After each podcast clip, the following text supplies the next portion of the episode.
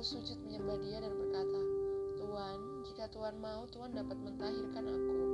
Lalu Yesus mengulurkan tangannya, menjamah orang itu dan berkata, Aku mau, jadilah engkau tahir.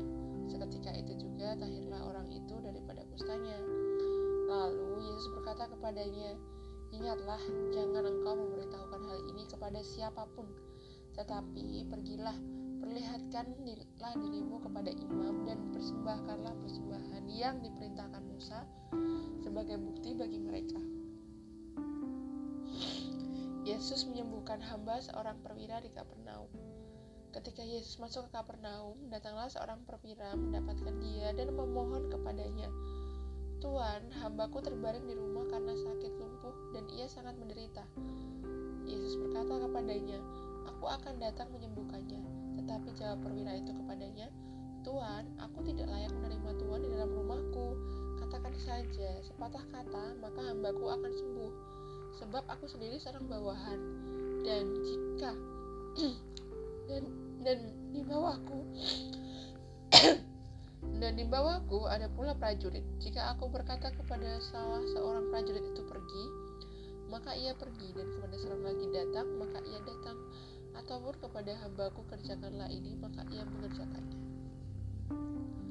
Setelah Yesus mendengar hal itu, heranlah ia dan berkata kepada mereka yang mengikutinya, Aku berkata kepadamu, sesungguhnya iman sebesar ini tidak pernah aku jumpai pada seorang pun di antara orang Israel.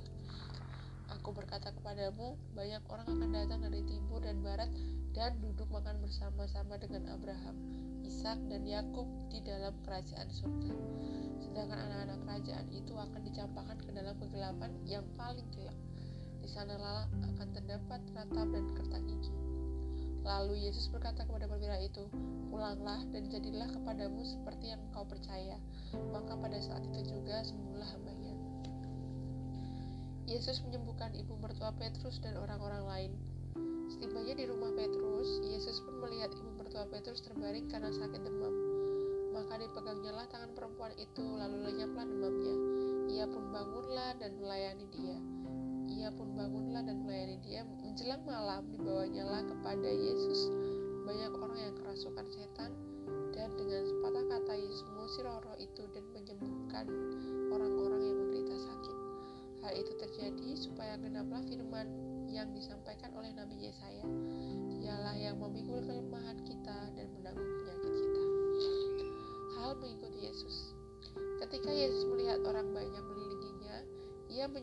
menyuruh bertolak ke seberang.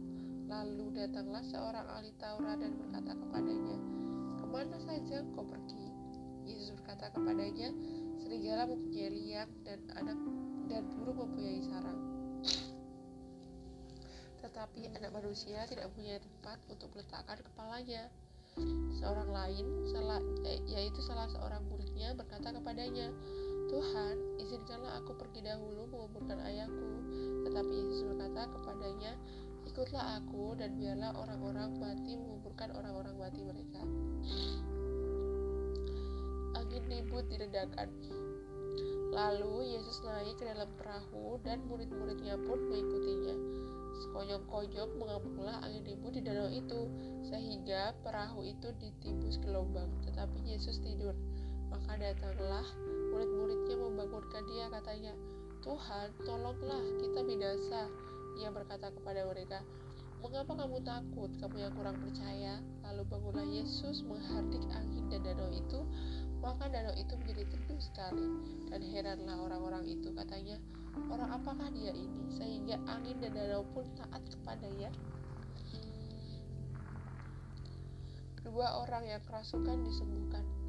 Setibanya di seberang, yaitu di daerah orang Gadara, datanglah dari pekuburan dua orang yang kerasukan setan menemui Yesus.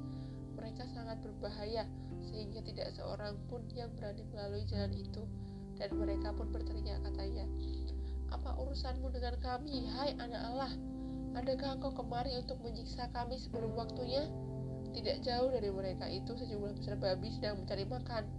Maka setan-setan itu meminta kepadanya katanya, Jika engkau mengusir kami, suruhlah kami pindah ke dalam kawanan babi itu. Yesus berkeluh. Yesus berkata kepada mereka, Pergilah.